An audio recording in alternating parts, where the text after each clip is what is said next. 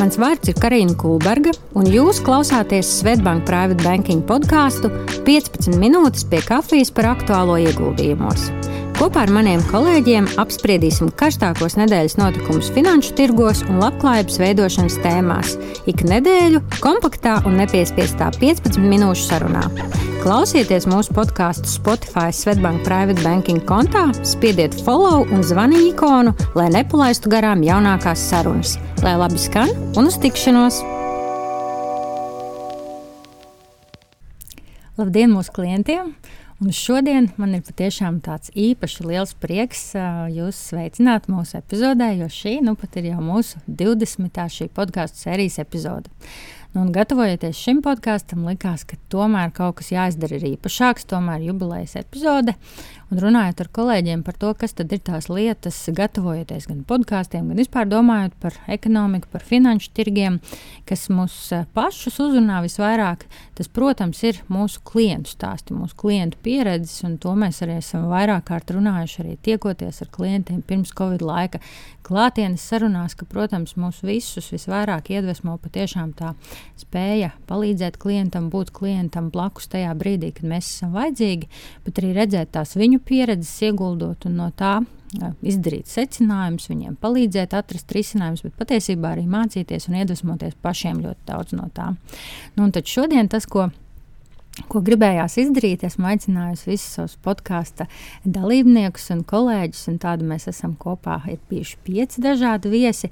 Mums, ar ko mēs esam runājušies par dažādām tēmām, padalīties ar saviem stāstiem, ar saviem, eh, stā, varbūt tādiem mācību stāstiem vai, vai labiem stāstiem no pieredzēm par klientiem, nu, kas mums ir iespēdušās un palikušas dziļi atmiņā, un ko mēs, kā lielākais private banking, kas strādā nu, pat jau tūlīt 25 gadus, varam paturēt azotē priekš tā, lai nu, no tā veidotu tālāk šo private banking un Latvijas turīgo klientu stāstu. Tad, nu, lūk, pirmo, pirmo tādu stāstu vai tādu mācību, ar ko padalīties, esmu aicinājusi Mārtiņu Purgaili. Mārtiņš ir bijis visbiežāk visās šajās epizodēs, mans sarunu biedrs. Čau, Mārtiņ, pastāsti, kas ir tās lietas, vai kas ir tas tavs stāsts, par ko tu jā, ik pa laikam atgriezies un domā? Jā, čau, Karina. Man tiešām arī prieks būt visbiežākam viesim. Ļoti novērtēju to. Tas stāsts mans, ko es noteikti esmu savā karjerā un arī kā, no klientiem pamanījis un redzējis, ir pavisam vienkārši, kad nu, pieredze kā jau tu minēji, ir arī viens no tiem faktoriem, kas padara investors nu, teikt, nu, norūdītākus. Mēs redzam, ka finanšu tirgus vārstās, un viņi diezgan arī no nu, ik pa brīdim ir nenoteikti. Arī šobrīd mēs dzīvojam tādā periodā, bet tas, nu, tas ļoti izteikti mēs redzam, ka ieguldītāji, kur jau pieredzējuši daudz un dažādus kritumus, viņi uztver to un arī saprot to pietiekami labi un arī rīkojās stipri vien mierīgāk kaut kādos momentos, kad mēs piedzīvojam šādu veidu vētras finanšu tirgos. Ja mēs redzētu, pieņemsim, ieguldītāju, kurš tikko ir sācis nu, veidot savu uzkrājumu, noteikti tas viņa uztvere, kā šobrīd viņš redz to kritumu, ir nedaudz savādāk. Es pat viņam saprotu, ka varbūt daudz dažādas lietas galvā notiekās, kā tur būs tie tirgi, cik viņi dziļi kritīs. Bet, ja mēs redzam to pieredzes stāstu, tad nu, investori, kur jau ir redzējuši vairākus tos kritumus, ir stipri vien mierīgāki un zina, ka tas viss atgriezīsies pietiekami labos līmeņos pēc kāda momenta, kad no, noregulēsies situācija. Un līdz šim tas vienmēr ir noticis. Tas Jā, paldies. Nu, tas noteikti arī tikai paspildina to, ka tiešām tām uzvedības finansēm, par ko mēs arī esam runājuši iepriekšējās epizodēs, ir loma un ir nozīme. Varbūt, nu, kad ilgākā laika periodā ejot cauri tiem finanšu tirgiem, tomēr var arī iemācīties un vairāk saprast, kā tās finanses, vai tas uzvedība un emocijas strādā ar to tavu galvu un varbūt izdarīt ar vien tādas racionālākas. Nu, jā, un, un es pat, teiksim tā, nu, aicinātu skatīties, varbūt, lai tā tā, tā, kā, ja tā glāze pustukša vai puspilna. Es aicinātu vienmēr skatīties, kad glāze finanšu tirgos ir puspilna. Jo nu, ir tā, ka mēs varbūt ik pa brīdim uzkāpjam augstumos, tad nedaudz nokrītam, bet uh, jebkurā gadījumā esam plusos. Vienmēr tas kritums varbūt šķiet sāpīgs, bet nu, nevajadzētu uztvert to. Jebkurā gadījumā visticamāk ieguldījumi kopumā ir ir pieauguši kaut kādā periodā. Mm -hmm. Super, paldies, tev, Mārtiņ.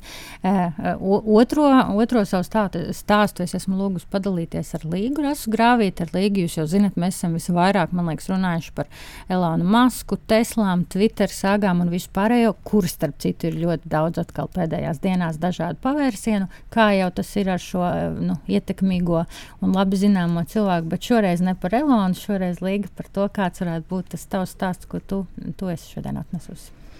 Jā, un es droši vien sākšu ar to, ka jebkuras profesijas pārstāvis, arī banķieris, nepārtraukti pilnveido un paaugstina tās savas kompetences, lai nodrošinātu to visaugstāko servisu līmeni un konsultācijas savam klientam. Un man ir tā privilēģija tikties un diskutēt ar fantastiskiem cilvēkiem, kuriem es esmu banķieri un ar kuriem man nebūtu iespēja iespējams tikties pie kafijas tas citos apstākļos. Un, lai gan es strādāju bankā jau 16 gadus, tad katra šī tikšanās ir unikāla un katra ir vērtīga. Un ar vērtīgām atziņām no šīm tikšanās reizēm iznāk arī es. Man uzreiz prātā nāk šis tāds atmiņu stāsts par ilgadēju private banking klientu, ar kuru mēs reizes gadā paralēli visām citām lietām tiekamies uz stundu, un lai šo stundu veltītu tikai sarunām par investīcijām. Nu, kā ir gājis iepriekšējā periodā, vai nav mainījušies mērķi un fokusi, un plānojam naudas plūsmu arī attiecīgi nākamajam periodam.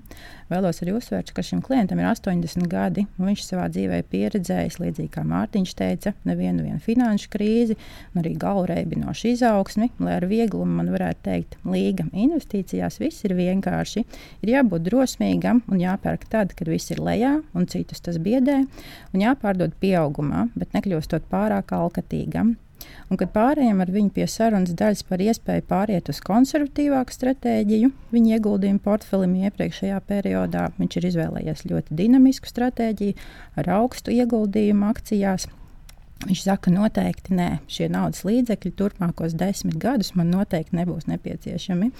Un šī atbilde dod man tādu jaunu perspektīvu, Kā investora dzīves cikls un no tā izrietošā riska apetīte ir viens aspekts, taču paralēli visam tam pastāv arī pašs naudas dzīves cikls, ko investors nosaka pats formulējot savu vīziju, uzstādot drosmīgus mērķus, termiņus un ar naudas palīdzību atrisinot savu unikālo vajadzību, nepieciešamību, vēlmi vai tiesoties piepildīt savus sapņus. Mēs abi ar klientu sasmaidāmies un vienprātīgi nonākam pie secinājuma, ka investoram patiesībā nav nekāda vecuma ierobežojumi. Nekad nav par agru sākt domāt par iespēju vairot savu naudu un gala pieredze sniedz unikālu zināšanas, kā to darīt vispiemērotākajā veidā, tieši priekš sevis, nedzinoties līdz tirgiem. Paldies! Es domāju, brīnišķīgs stāsts. Un Līga droši vien ir viens no tiem kolēģiem, kur tiešām iznākot no jebkuras konsultācijas ar klientiem, ir tas iedvesmas pilna un, un, un, un mirdz kā lampiņa. Kā varam redzēt, ka pēc jau šāda stāsta droši vien ir pietiekami daudz krājumā. Paldies! Paldies. Turpinot mūsu stāstu sēriju, došu vārdu Ventam Riņķim pastāstīt par to, kas viņaprāt ir bijis tas, kas ir bijis šogad arī ļoti, ļoti aktuāls. Jā, gada sākumā, janvāra seminārā jau šai tēmai pieskāros, kad par pēdējo gadu tendenci, ka pēc nodokļu politikas izmaiņām arvien vairāk klienti izvēlas ieguldījumus veikt uzņēmumu vārdā. Un arī šogad klienti uzņēma peļņu vai, piemēram, līdzekļus, kas iegūti no biznesa pārdošanas, nolēma saglabāt uzņēmumā un tos ieguldīt. Tādi divi populārākie ieguldījumi risinājumi bija Svetbanka Robur fondi un arī individuālais ieguldījumu portfelis. Un, protams, arī uzņēmumam, veicot ieguldījumus, ir jāņem vērā ieguldījumu mērķi un termiņš. Uh, Tādēļ ieguldījumos tiek parasti novirzīti līdzekļi, kas nebūs nepieciešami uzņēmuma saimnieciskās darbības nodrošināšanai tuvākajā laikā. Un, protams, šādu lēmumu ir ieteicams pārunāt gan uzņēmuma grāmatvedību, vai iespējams arī nodokļu konsultantiem. Un tāds tīri tehnisks dabas jautājums, kam vēlos šoreiz pievērsties, arī ir, kad uzņēmumam, lai veiktu ieguldījumus biržā, tirgotos instrumentos, ir jāiegādājas leikots, Un tas ir tāds vienots uzņēmuma identifikācijas kods no 20 simboliem un darījumiem finanšu tirgos, ko ieviesa pēc 2008. gada krīzes. Jo līdz tam tādas vienotas sistēmas nebija. Bija dažādas pieejas katrā valstī. Un pirmais laikots tika piešķirts, ja nemaldos, 2012. gadā, bet jau no 2018. gada sākuma tas ir obligāts. Un, tā noformēšana ir vienkārša, aizņem dažas minūtes, un šo kodu piešķir uz gadu. Ir iespēja uzstādīt arī automātisku pagarināšanu turpmākajos gados. Un, tas ir maksas pakalpojums, jārēķinās, ka gada maksa ir ap 50, 60 eiro. Bet, nu, piemēram, Svetbānku robotu fondus var arī iegādāties bez šī koda. Tā kā, nu, es domāju, tā ir laba iespēja arī uzņēmuma pusē veikt šos ieguldījumus. Jā, paldies, Vana, ka padalījies ar šo. Jo, patiešām, nu, protams, private banking pusē mēs skaidrs, skatāmies uz šo klientu, ja tā var teikt, kopējo bildi, kopējo labklājību. Neatkarīgi no tā, vai tā būtu viņa holding uzņēmumā vai viņam kā privāta personai. Mēģinām tad, tad vienmēr atrast to labāko risinājumu tam, kā viņam to savu labklājību izvietot kopumā, neskatoties uz to, vai tas atrodas viņa kā privāta personas vai uzņēmuma, holding uzņēmuma kabatiņā. Bet tagad gribu dot vārdu Mairai, pastāstīt par uh, viņas stāstu. Ar Mairu mēs esam daudz uh, šajās epizodēs runājuši par to, kā uzvedās pasaules lielie gudrie investori, ko viņi saka par to, kā vajadzētu diversificēt portfeļus, kādi ir pareizie risinājumi. Bet īstenībā Mairas ilgā arī pieredze private bankingā noteikti varētu uh, arī izveidot vēl atsevišķu stāstu, stāstu sēriju par to, kā rīkojās bankas arī paši lielākie klienti un kas ir tie viņu principi pieņemot lēmumus par ieguldījumiem. Paldies, Karina! Paldies par šo iespēju. Es vēlējos šodien padalīties ar savas klientes stāstu. Uh, vairāk kā pirms desmit gadiem uh, klienti pārdeva īpašumu par ievērojumu summu, bet tomēr ne par tik lielu, lai ar to līdz savu mūža beigām varētu atļauties nestrādāt. Un pašsaprotami vajadzēja meklēt risinājumu, kas palīdzētu saglabāt saņemto naudas summu un gūt arī pieaugumu uz tās rēķina. Klientē nebija nekādas pieredzes un zināšanu par ieguldījumiem. Tomēr viņi arī labi saprata, ka depozīta procenti ir zemākā inflācija, un tas noteikti nebija risinājums. Un, pēc ilgām pārdomām kliente izšķīrās par labu bankas pārvaldītam ieguldījumu portfelim. Viņi izvēlējās, kā jau nepieredzējis investors, izvēlējās sabalansētu, drīzāk konservatīvu stratēģiju, un nemainīja savu lēmumu līdz pat šim brīdim, pieturējās pie tās arī tirgus krituma laikos. Klienti paralēli turpināja darboties savā profesijā un uh, savus ikdienas izdevumus sēdza no saviem regulāriem ienākumiem. Un pa šiem desmit gadiem, uh, izņemot no portfeļa vērtības pieaugumu, tātad to summu, kas ir virs šīs ieguldījuma summas, uh, kliente ir varējusi atļauties uzlabot savus dzīves apstākļus. Piemēram, izremontēt īpašumu, nopirkt jaunu auto, ceļot. Un tajā pašā laikā viņa līdz pat šodienai ir spējusi saglabāt sākotnēji ieguldīto summu, kas nākotnē viņai nodrošinās vērtības pieaugumu, un iespējams, viņai arī izdosies to saglabāt un nodot nākamajai paudzei. Un, uh, tas ir stāsts par to, ka pacietīgie ieguldītāji vienmēr ir ieguvēji. Un, uh, lai novērtētu iegūmus no ieguldījumiem finanšu tirgos, ir vajadzīgs ilgāks laiks. Un kopumā tas stāsts arī par nākamajām paudzēm sasaucās arī ar to, ko Līga iepriekš teica, ka Ieguldījumi vērtspapīros ir labs veids, eh, kā nodot eh, kapitālu nākamajām paudzēm. Pat ja klients ir gados, eh, nevajag baidīties izvēlēties arī dinamiskāku stratēģiju, jo tiek mantots arī šī kapitāla pieaugums, un mums Latvijā ir salīdzinoši neliels mantojuma nodoklis. Tāds ir tas mans stāsts. Es ceru, ka kādu tas uh, iedvesmos arī veikt drosmīgus lēmumus un ieguldīt ilgtermiņā. Paldies, Mārā. Man liekas, tas arī ir brīnišķīgs piemērs tam, kā mēs varam kopā ar klientiem skatīties ne tikai uz tādu tiešām īsu termiņu, ātru, ātru peļņu, bet patiesībā plānot šo labklājību pavisam ilgā termiņā un būt kopā ar viņiem un redzēt tos, kā Maira teica, augļus tai pacietībai, kas klientiem ir bijuši veicot ieguldījumus, un arī tiešām visu to pozitīvo ienesīgumu ne tikai tādā procentu izteiksmē, bet arī tajā, kā šis ieguldījums palīdz realizēt viņu ikdienas, īstermiņa un ilgtermiņa vajadzības un sapņus.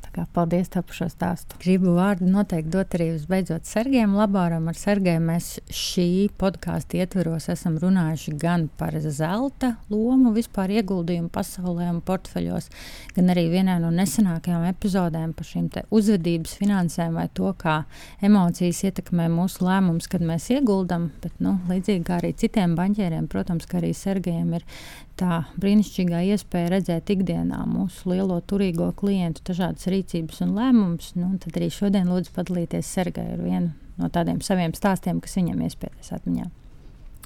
Jā, nu tā sanāk, ka nobeigumā es atkal arī gribētu par lēmumu pieņemšanu pastāstīt, jo mēs uh, mēdzam vilcināties ar lēmumu pieņemšanu. Ir tieši šīs situācijas, kad nu, nevaram izvērtēt varbūt visus aspektus, visus pār un pret. Nu, varbūt mums trūkst zināšanu, pieredzes laika, bet uh, jebkurā gadījumā, kad ir šaubas, tad uh, cilvēkam jāizvēlas kaut ko darīt vai nedarīt, tad uh, nu, parasti cilvēks izvēlās neko nedarīt, kas ir loģiski, jo nu, tad arī nav jāpiepulās. Uh, Un es konsultēju vienu klientu, kuram bija pietiekami augsti ienākumi, bet arī lieli izdevumi. Un tā kā cilvēks bija jau tādā vidējā vecumā, tad tas bija pēdējais brīdis, kad sāk domāt par labklājību, par savu labklājību vecumdienas, vai arī situācijas, kad eh, varbūt eh, tie ienākumi vairs nebūs tik augsti.